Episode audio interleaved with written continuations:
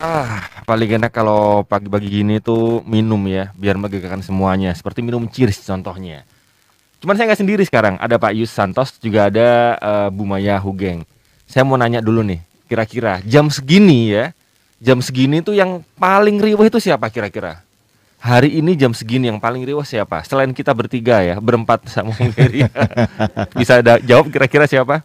Biasanya mama ya mama di rumah biasanya lagi ribet nih ngurusin anak-anak sekolah nyiapin makan dan macam-macam benar ya Pak? betul sekali. Waktunya ngopi nih. Ngopi ng ng ng ngobrol inspiratif pagi.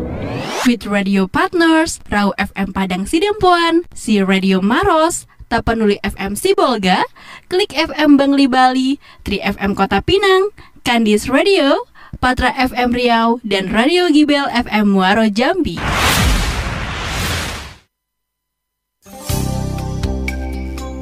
Bener Bu Maya jawabannya.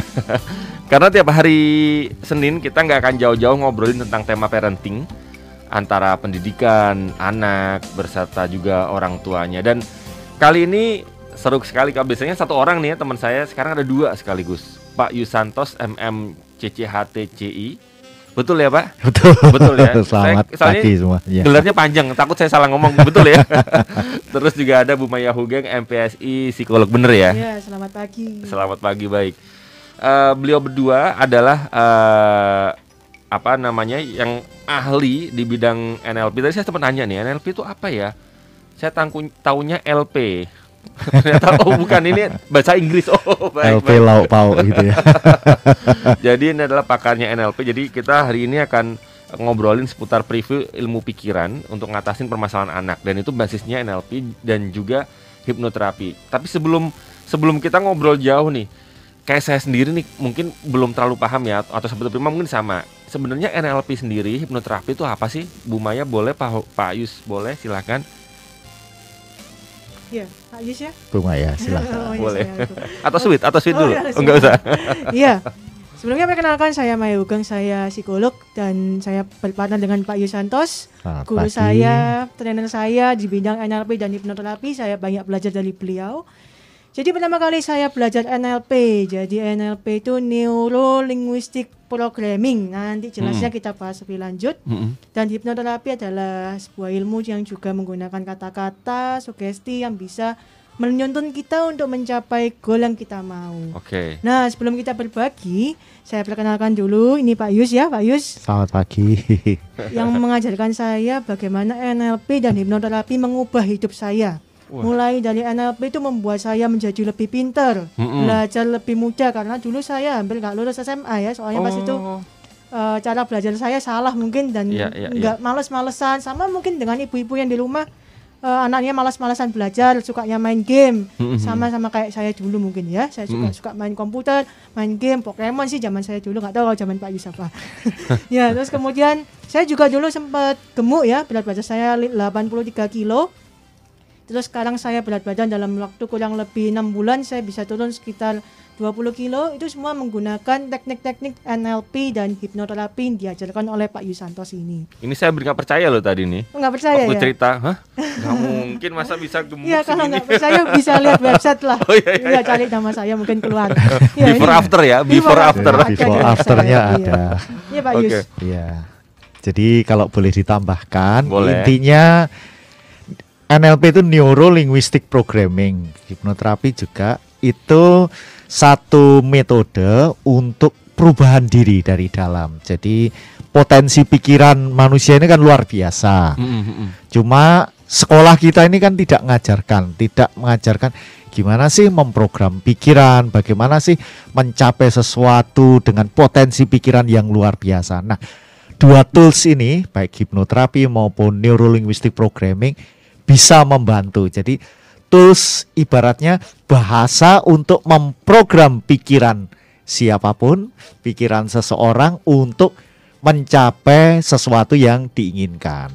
Itu intinya sebetulnya. Ada banyak macam-macam yang bisa kita utilisasi melalui NLP dan hipnoterapi. Intinya adalah mendapatkan apa yang diinginkan seseorang itu. Oke, salah satu cara untuk mendapatkan apa yang diinginkan seseorang ini nih penting nih.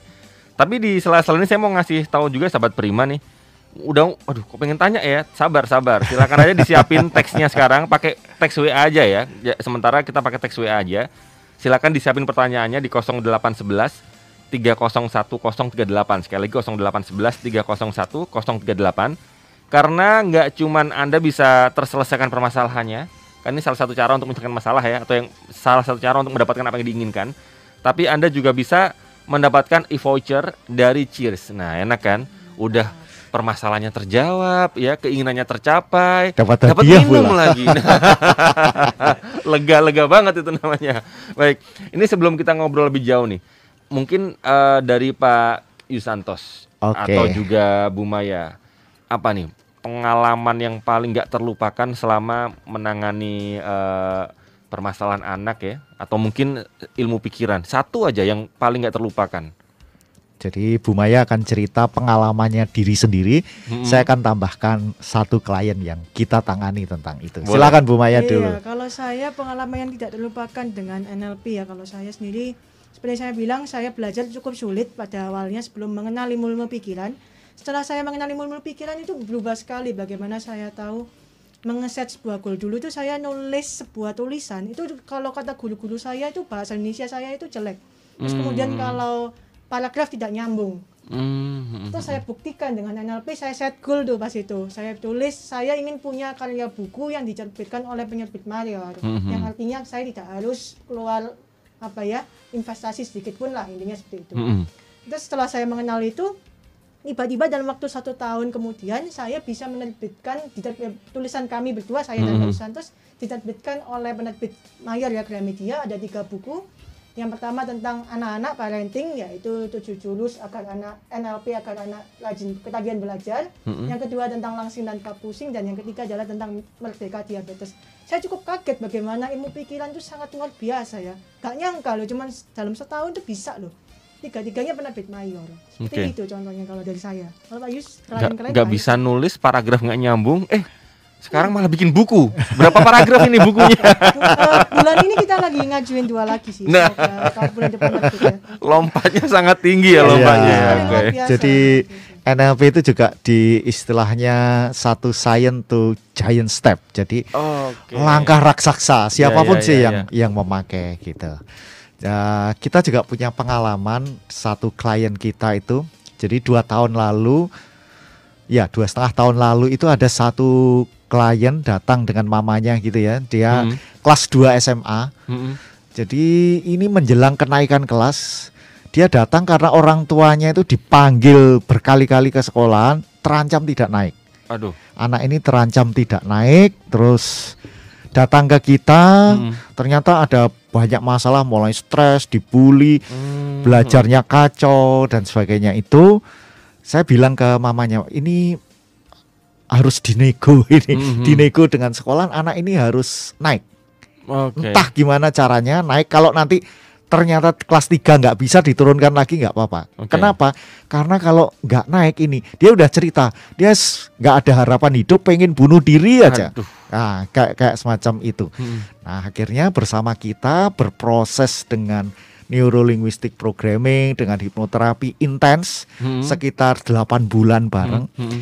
dan waktu UNAS mulai ada kenaikan luar biasa signifikan hmm. dan bahkan dia keteri dari yang tidak naik dia satu-satunya di kelas itu yang diterima di Institut Teknologi Bandung. Hmm. Jadi prestasinya bisa melonjak sekali. Kenapa? Ketika dia bermasalah, ternyata semua potensi luar biasa yang ada pada dirinya itu hmm. seolah-olah tenggelam, seolah-olah tidur.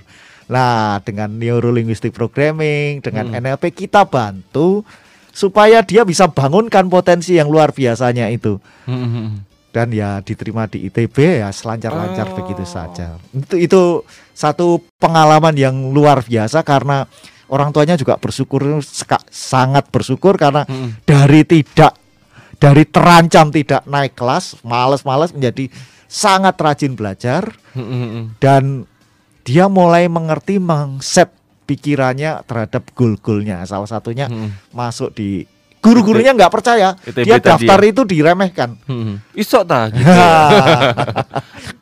gitu. Ternyata dia malah satu-satunya dari uh, sekolah itu. Sekolah dari kelas-kelasnya okay. dia itu yang bisa tembus di ITB. Oke, dan terancam bunuh diri pula tadi ya, Pak ya. Iya, betul, Aduh. betul.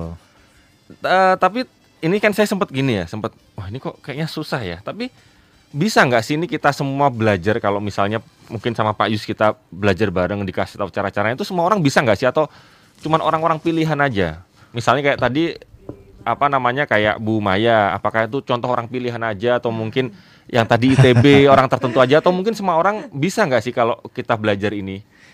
Intinya hmm. asal orang itu mau karena ini sains ada hmm. metodenya hmm. bisa diajarkan semua belajar juga bisa bahkan banyak uh, nyuwun sewu di hmm. di klien-klien kita itu malah yang IQ-nya di bawah itu ya. Istilahnya Bagi, jongkok ya Pak. Iya, ya sangat jongkok itu ternyata ketika diajari teknik-teknik mempotensikan misalnya IQ-nya maaf 90 kalau ya. ukuran gitu ya. Hmm.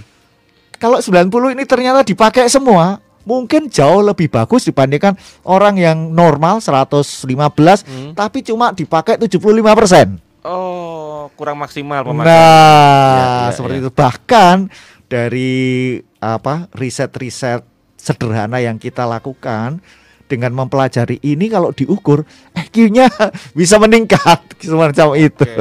Baik baik. Jadi, Meskipun ini secara keilmuan mungkin ada yang kontroversi, oh, ada yang ya. bilang EQ nggak bisa meningkat. Ini ya. ya, tapi ternyata dari pengalaman empiris, pengalaman lapangan ya. kita setelah mempelajari beberapa saat semua orang juga bisa pasti ada kenaikan yang signifikan.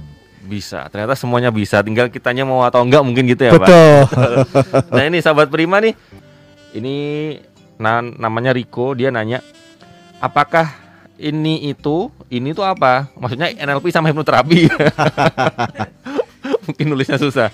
Apakah ini tuh uh, aman untuk seluruh usia anak? Misalnya apakah Oh mungkin tadi dengarnya kan Bu Maya dengan contoh yang ITB tadi kan mungkin ya, SMA sama kuliah betul, ya. Betul. Apakah ini aman untuk seluruh usia anak? Dia nggak jelasin anaknya usia berapa. Ini saya saya kira-kira ya mungkin anaknya ya bisa TK, bisa SD, bisa playgroup mungkin. Nah, betul. Gimana nih Pak Bu Maya atau Pak Yus?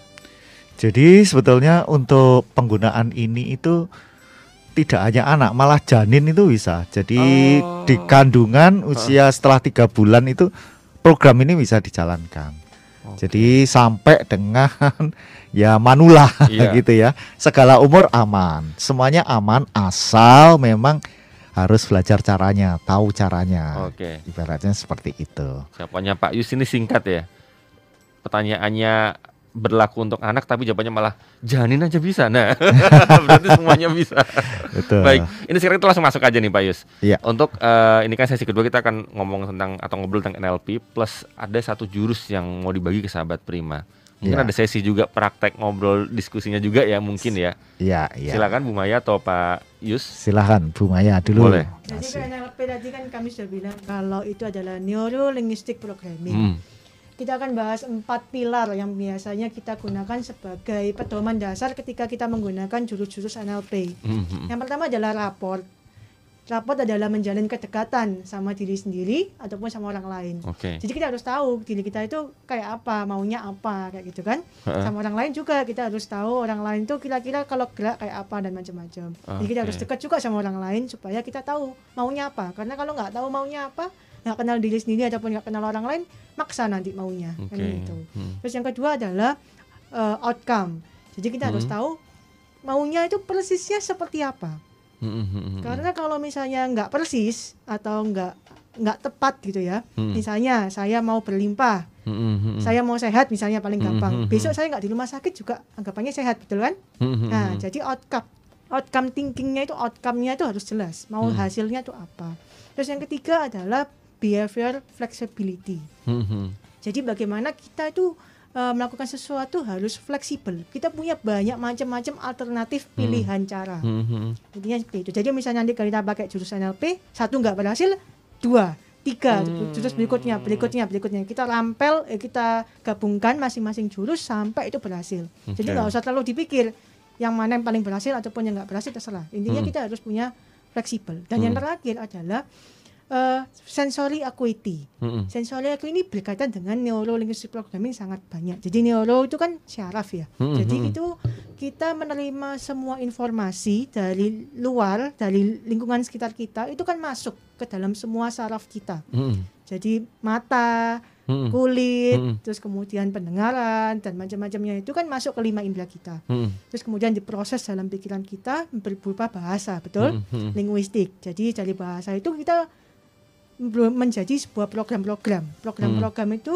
berarti misalnya kita mau bertindak sesuatu, kita mau melakukan sesuatu, itu ada program-program dan urutannya. Misalnya hmm. kita mau bangun pagi, terus kemudian mau berangkat sekolah, itu urutannya ada. Misalnya alarm berbunyi, hmm. kita bangun, terus kemudian kita mandi atau kita ngulet dulu dan macam-macam, hmm. uh, makan misalnya, terus baru be, ma, uh, berangkat sekolah misalnya. Itu ada urutannya. Jadi di NLP itu kita juga membahas bagaimana sensory acuity kita peka dengan hmm. keadaan sekitar. Jadi kita tahu ketika misalnya oh orang tua saya lagi sedih ya.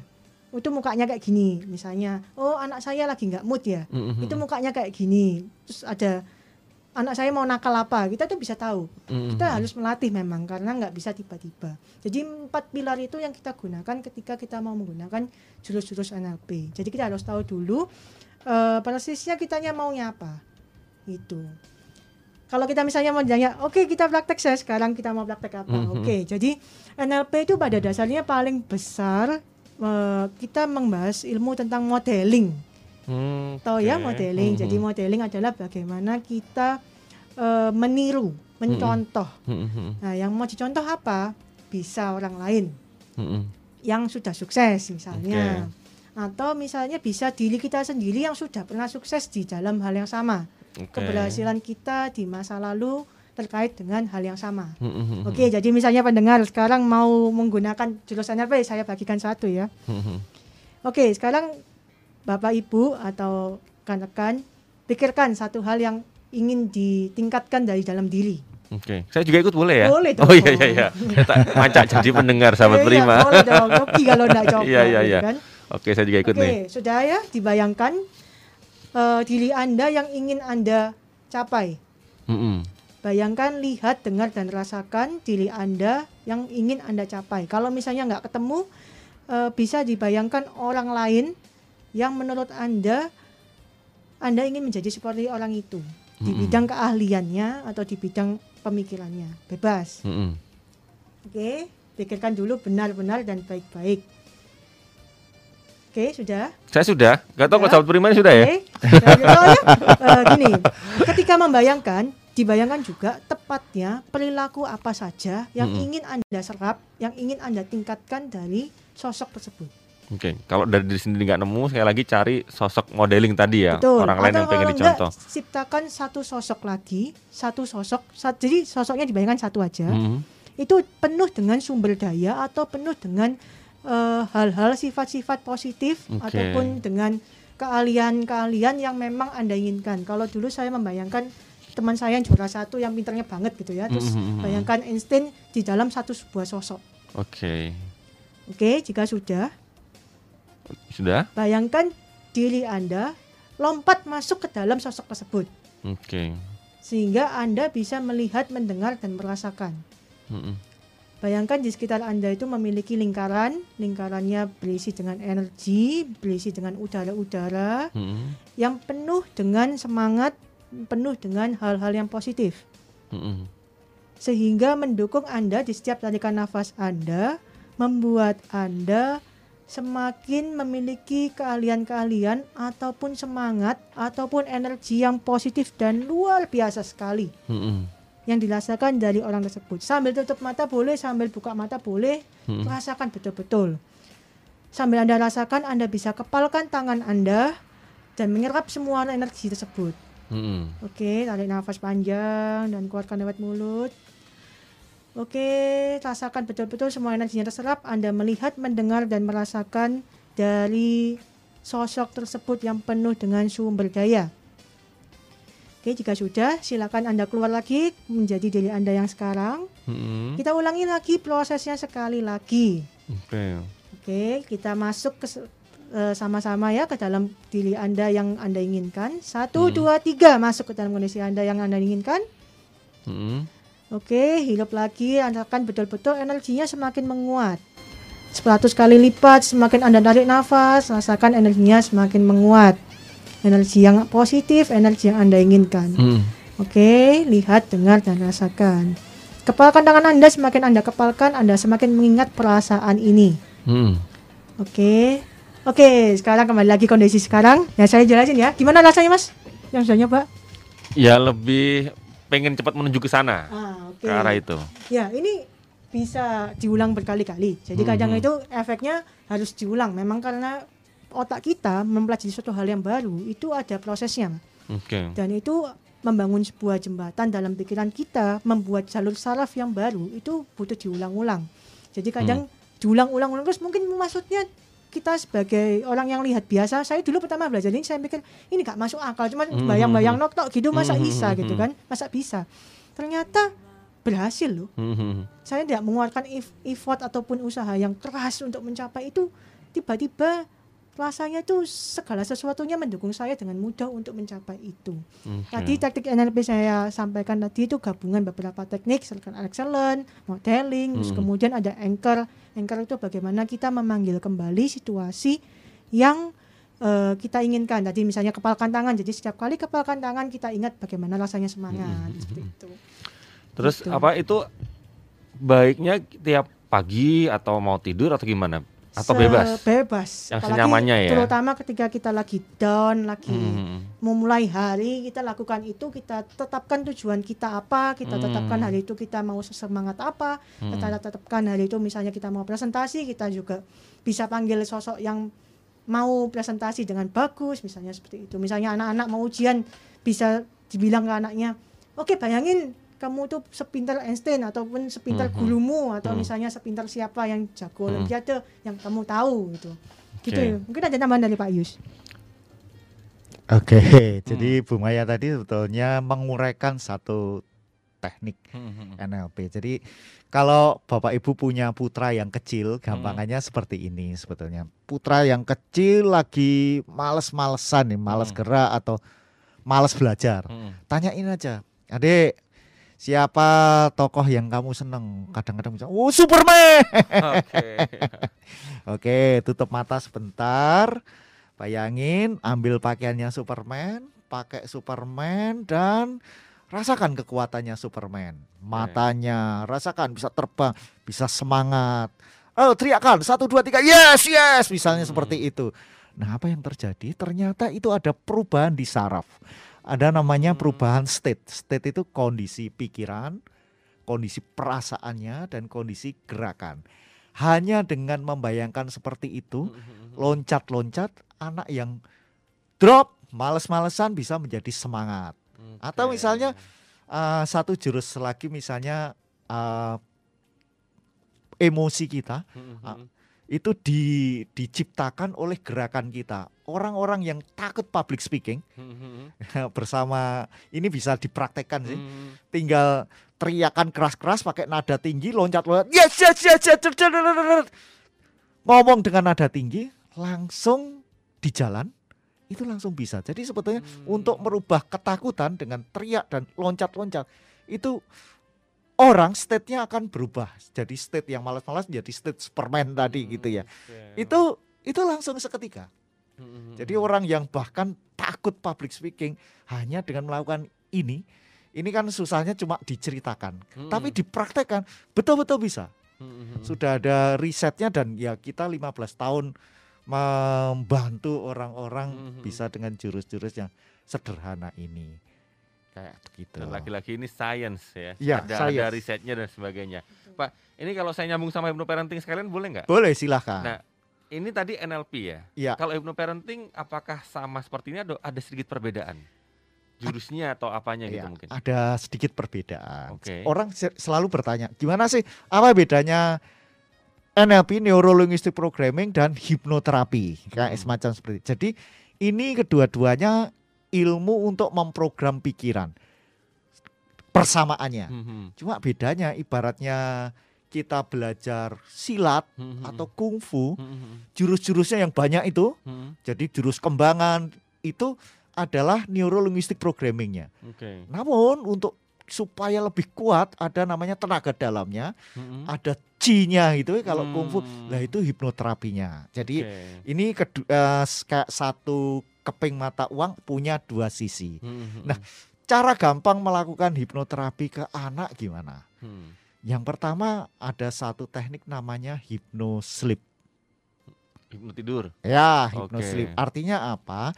Anak yang sedang tidur itu misalnya pengen anak ini apa ya? Anak hmm. ini pengen misalnya rajin membaca, misalnya seperti itu ya. Hmm.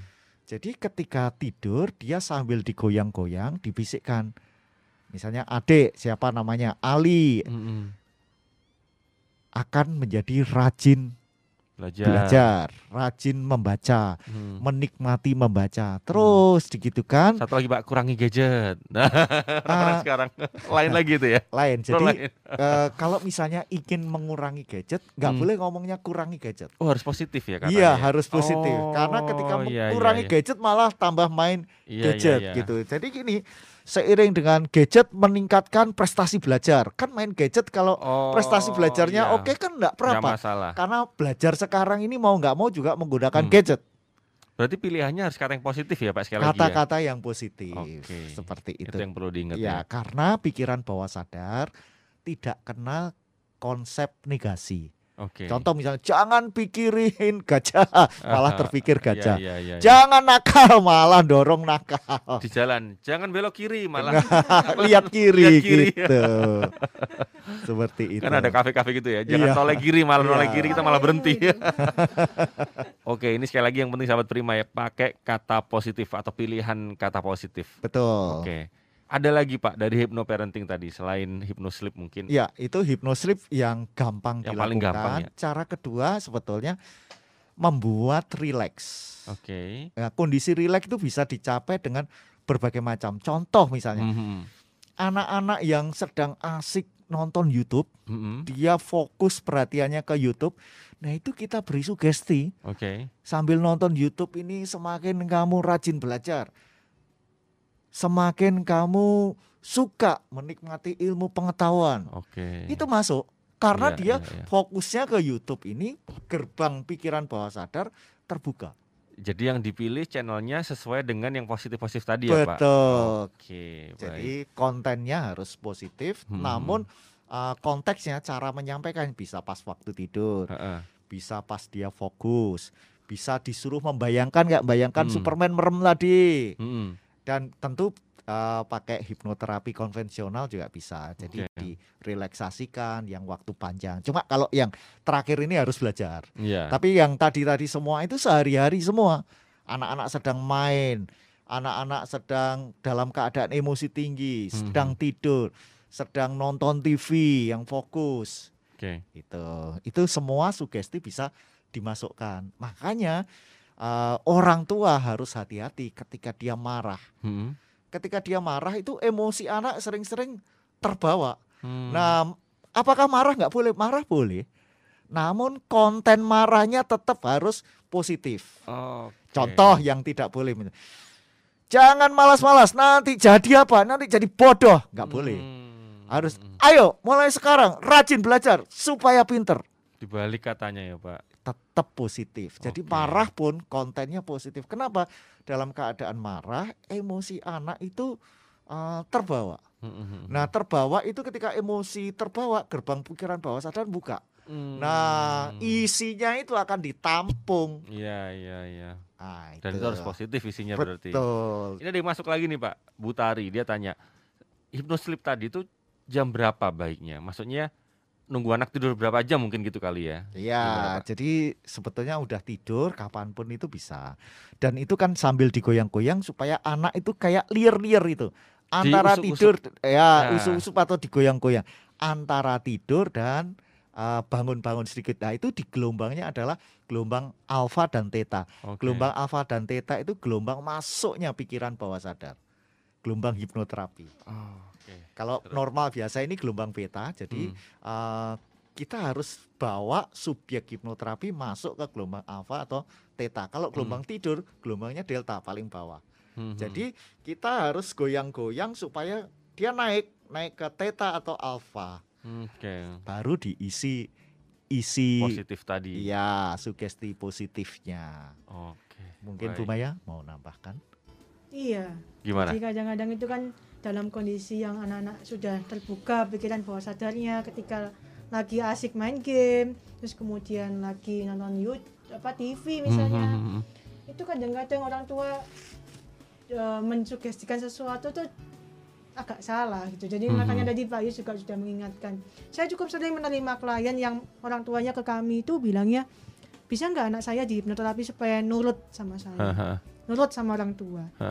Dengar itu kita juga bingung menjelaskannya bagaimana. Iya. Hati-hati dengan itu karena eh, nurut itu dalam artian seperti apa? Iya. Jangan sampai anak anda itu seperti robot, Hah. tidak bisa menyelesaikan masalahnya sendiri. Iya. Kemudian pemikirannya tidak berkembang karena semua semua didikte orang tua Hmm, hmm, hmm. itu cukup repot. Jadi misalnya Anda mau mensugestikan anak-anak, itu lebih baik sugestikan misalnya kamu kreatif, Oke. bisa kuat menyelesaikan permasalahan sendiri, pikiranmu cukup mampu mencari alternatif-alternatif yang Mm-mm. mendukung menyelesaikan masalah seperti itu. Jadi diajarkan betul-betul bagaimana anak itu bisa berpikir, berpikir menyelesaikan masalahnya sendiri.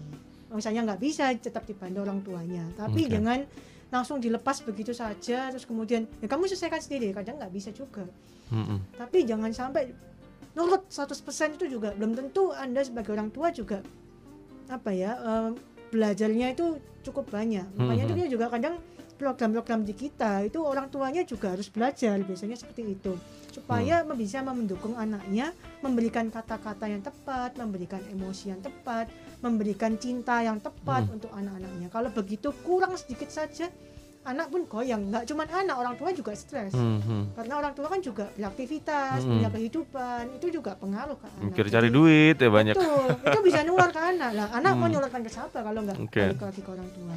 Jadi seperti itu ya Pak Yus ya. Jadi yang belajar itu nggak cuma anak ya sekali lagi Betul, ya, orang orang tua juga juga harus harus. belajar. Ya. Baik. Kalau tadi eh, Pak Yus juga Bu Maya kan ngasih banyak solusi ya. Kalau saya ini belum ketemu solusi sampai hari ini Pak. Ini ngopi itu ya nggak ada solusinya. Sol- Iya. ngomong ngomong yang diomongin banyak ya, tapi waktunya dikit nah ini. Nggak ketemu solusinya sampai sekarang. Oh, bersambung nanti. Iya makanya itu. Dari dulu yang mau saya tanya banyak banget tapi waktunya mepet lagi-lagi cuma satu jam tapi nggak apa-apa. Di sini Pak Yus juga Bu Maya akan ngasih solusi mungkin ada nih sahabat Prima tadi ada Bu Tari sama Pak Riko juga mungkin yang pengen tanya lebih detail atau sahabat Prima yang lain juga boleh. Itu kita bisa ke mana ya? Untuk mungkin eh, ada nomor WA-nya kah atau mungkin ada sosial medianya kah biar bisa lebih detail lagi atau mungkin kalau bukunya ini saya ada nih bukunya nih ya. bukunya saya aja ngasih tahu. Ini kalau misalnya sahabat Prima ke toko buku di Gramedia ada. Itu aja langsung cari tujuh jurus. Oh, udah nggak ada ya? Eh, Oh, udah Habis, habis. Habis itu udah Kecuali mungkin ke kita bisa. Beruntung saya dapat berarti ini ya. di sini saya dapat tujuh jurus NLP agar anak ketagihan belajar. Monggo Pak Yus atau boleh Bu Maya mungkin ada apa nomor telepon WA-nya yang boleh dibagikan atau mungkin sosial media. Iya. Oke, em, kalau belajar sih bisa ke kita, saya ini yang ngajar saya dan Bu Maya dan Hmm. kebetulan selama masa Covid ini kita ada banyak pembelajaran secara online, jadi Oke. diakses di mana pun bisa. Oke. Namun kalau misalnya untuk anak-anak nggak sempat belajar begitu ya Hmm, orang hmm, tuanya, kami menyediakan satu program instan. Jadi Hmm, apa itu program yang kita buat, kita Hmm. rekam khusus untuk anak-anak misalnya anak-anak bisa rajin membaca, memudahkan memori, misalnya punya mental juara, Mhm. eh, apa itu mengatasi stres-stres selama belajar, Hmm, hmm, memotivasi hmm, itu hmm. ada sekitar 12 jurus plus bukunya itu. Jadi nanti bukunya dikirim buku tujuh jurus untuk menjadikan anak ketagihan belajar itu ya Oke. dikirim ke rumah sekaligus kalau pesan programnya itu bisa. Kenapa? Karena kita bisa manfaatkan waktu tidur anak-anak itu dengan diisi program di pikiran bawah sadarnya program-program yang Oke. mendukung itu semacam itu silahkan Bu Maya nambahkan Iya, karena itu namanya kita audioterapi Pak Yus ya. Mhm. Iya, betul. plus pembelajaran. Jadi eh, kalau mau belajar banyak sih sarananya. Kalau misalnya mau lebih mudah, saya dulu juga berpikir pada awalnya saya mempelajari seperti ini saya pikir cuma baca buku saja bisa uh. ya atau misalnya cuma yang sekilas-sekilas show saja bisa tapi kenyataannya kadang kita butuh orang lain yang membimbing, bisa ya? membimbing dengan jangka panjang dengan cukup intens nah kalau di Surabaya ini kebetulan saya tahunya Pak Yusantos pas itu hmm. karena hmm. beliau juga terima yang uh, cukup jangka panjang. Hmm. Jadi nggak hmm. sekali lepas, sekali lepas. Hmm. Jadi pembacaan kita cukup intens. Jadi kita benar-benar pantau sampai goalnya tercapai. Oke. Okay. Bisa juga di tempat lain juga nggak masalah sih. Tapi kalau misalnya kita uh, ya itu yang kita tawarkan. Kalau misalnya kita di Google kita Alpha Omega NLP and Hypno Center ya kalau di Google. Alpha Omega NLP and Hypno Center. Atau diklik aja Maya Hugeng iya, Yusantos itu oh, bisa. Okay, baik. Langsung di Google keluar nanti ya. atas sendiri. Tapi ya. kalau mau menghubungi WhatsApp kita atau telepon kita bisa. Mm -hmm. Itu di nomor 081 mm -hmm tujuh tujuh tujuh tujuhnya hmm. tiga kali empat satu dua empat Oke, diulang sekali lagi boleh Pak? Kosong ketinggalan. delapan satu tujuh tujuh tujuh empat satu dua empat. Oke, baik. Terima kasih Pak Yusantos juga Bu Maya Hugeng. Ini udah masih banyak, terutama saya sendiri ya. jadi jadi saya jadi macak pendengar tadi iya. biar tahu juga caranya. Saya udah dapat bukunya juga. Tadi kalau sahabat Prima mungkin belum dapat bukunya itu bisa menghubungi juga di sana nanti kan dapat bukunya kalau saya udah dapat. Jadi nggak perlu menghubungi udah dapat bukunya. Semoga ini bukan pertemuan pertama dan oh, terakhir iya. gitu jangan ya. Jangan dong pak. Pertama aja terakhirnya iya. jangan ya. Pertama aja cukup. iya. iya. Baik sehat-sehat terus Pak Yusantos. Umaya okay. juga sehat-sehat terus juga sahabat Prima sehat-sehat tetap jaga protokol kesehatan ya karena sekarang kita hidup di zaman yang berbeda dari zaman-zaman sebelumnya. Saya Gira pamit. Selamat pagi dan selamat beraktivitas Ngopi yuk setiap hari Senin sampai Jumat live di 103,8 FM Surabaya. Streaming video di Facebook Prima Radio SBY. Ngopi, ngobrol inspiratif pagi.